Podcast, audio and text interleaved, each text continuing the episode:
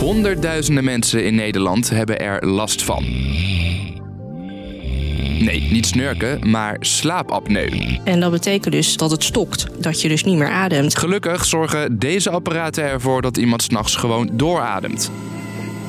Maar de afgelopen jaren ging daarmee van alles mis. Philips is nog eens 1,3 miljard euro kwijt aan defecte slaapapneuapparaten. Wereldwijd zijn er meer dan 5 miljoen die moeten worden vervangen. Nu zijn er ook klachten over de opvolger van het apparaat. Volgens een Amerikaanse toezichthouder kan dit apparaat brand, rook en brandwonden veroorzaken. Wat er precies aan de hand is en hoe dat fabrikant Philips slapeloze nachten bezorgt, dat zoek ik, Dennis, voor je uit.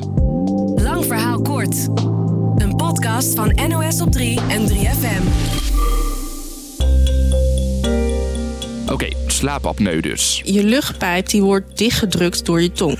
Waardoor je dus geen adem meer krijgt, geen zuurstof meer, geen flow meer. En dat betekent dus dat, dat het stokt, dat je dus niet meer ademt. Je hoort Nathalie, die slaapapneu heeft en daardoor s'nachts heel vaak wakker wordt. Om te voorkomen dat iemand er allemaal gezondheidsproblemen van krijgt, kan je s'nachts een apparaat gebruiken. Er is een apparaat dat constant, de hele nacht door, lucht in mijn mond en in mijn neus blaast.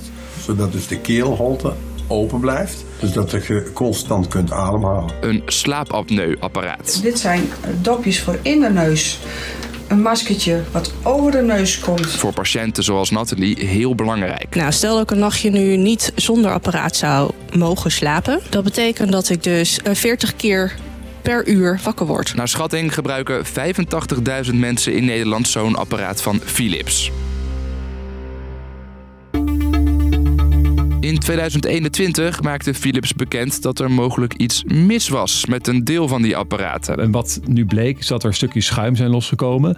Die zijn vermoedelijkerwijs bij mensen in de longen terechtgekomen. Je hoort mijn collega Roeland van de economieredactie. En die hebben gezorgd voor langdurige longklachten. En het gaat om een groot aantal mensen die er last van heeft en die daar ook Philips voor verantwoordelijk heeft gehouden. De Amerikaanse toezichthouder denkt dat de schuimproblemen voor ruim 300 doden zorgden. En ook uit Nederland kwamen er klachten binnen. Er zijn gewoon dagen dat ik mij niet lekker voel, dat de longen gevoelig zijn en protesteren. Dat zijn toch dingen die erbij komen. Op zijn zachts gezegd heel ongemakkelijk. Eerst zei Philips nog. Nou, het is niet helemaal duidelijk wat er nou precies aan de hand is. We kunnen niet helemaal het verband leggen tussen de ziekte van die mensen en onze apparaten. Maar na een tijdje zei het bedrijf zelf ook, hier gaat iets mis. Uiteindelijk is er wel erkend dat die apparaten niet meer goed functioneerden of dat daar problemen mee konden ontstaan. En dus vroeg Philips iedereen met zijn apparaat hem weer in te leveren en er een verbeterde versie.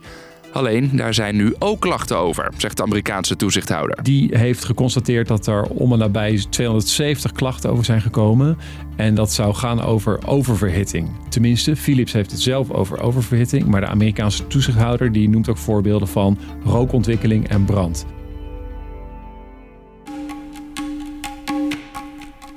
Al die problemen doen het bedrijf geen goed. Philips is nog eens 1,3 miljard euro kwijt aan defecte slaapapneuapparaten. Een van de belangrijkste redenen waarom ze begin dit jaar veel mensen wilden ontslaan. Het bedrijf gaat opnieuw fors snijden in de organisatie. En opnieuw gaan er duizenden banen verloren. Ook veel banen in Nederland. En dan heb je het nog niet eens over de miljardenclaims die er nog aan zitten te komen. Ook in Nederland wordt het bedrijf voor de rechter gesleept. Deze advocaat houdt zich daarmee bezig. Iemand heeft longkanker, anderen hebben ademhalingsproblemen of orgaanschade.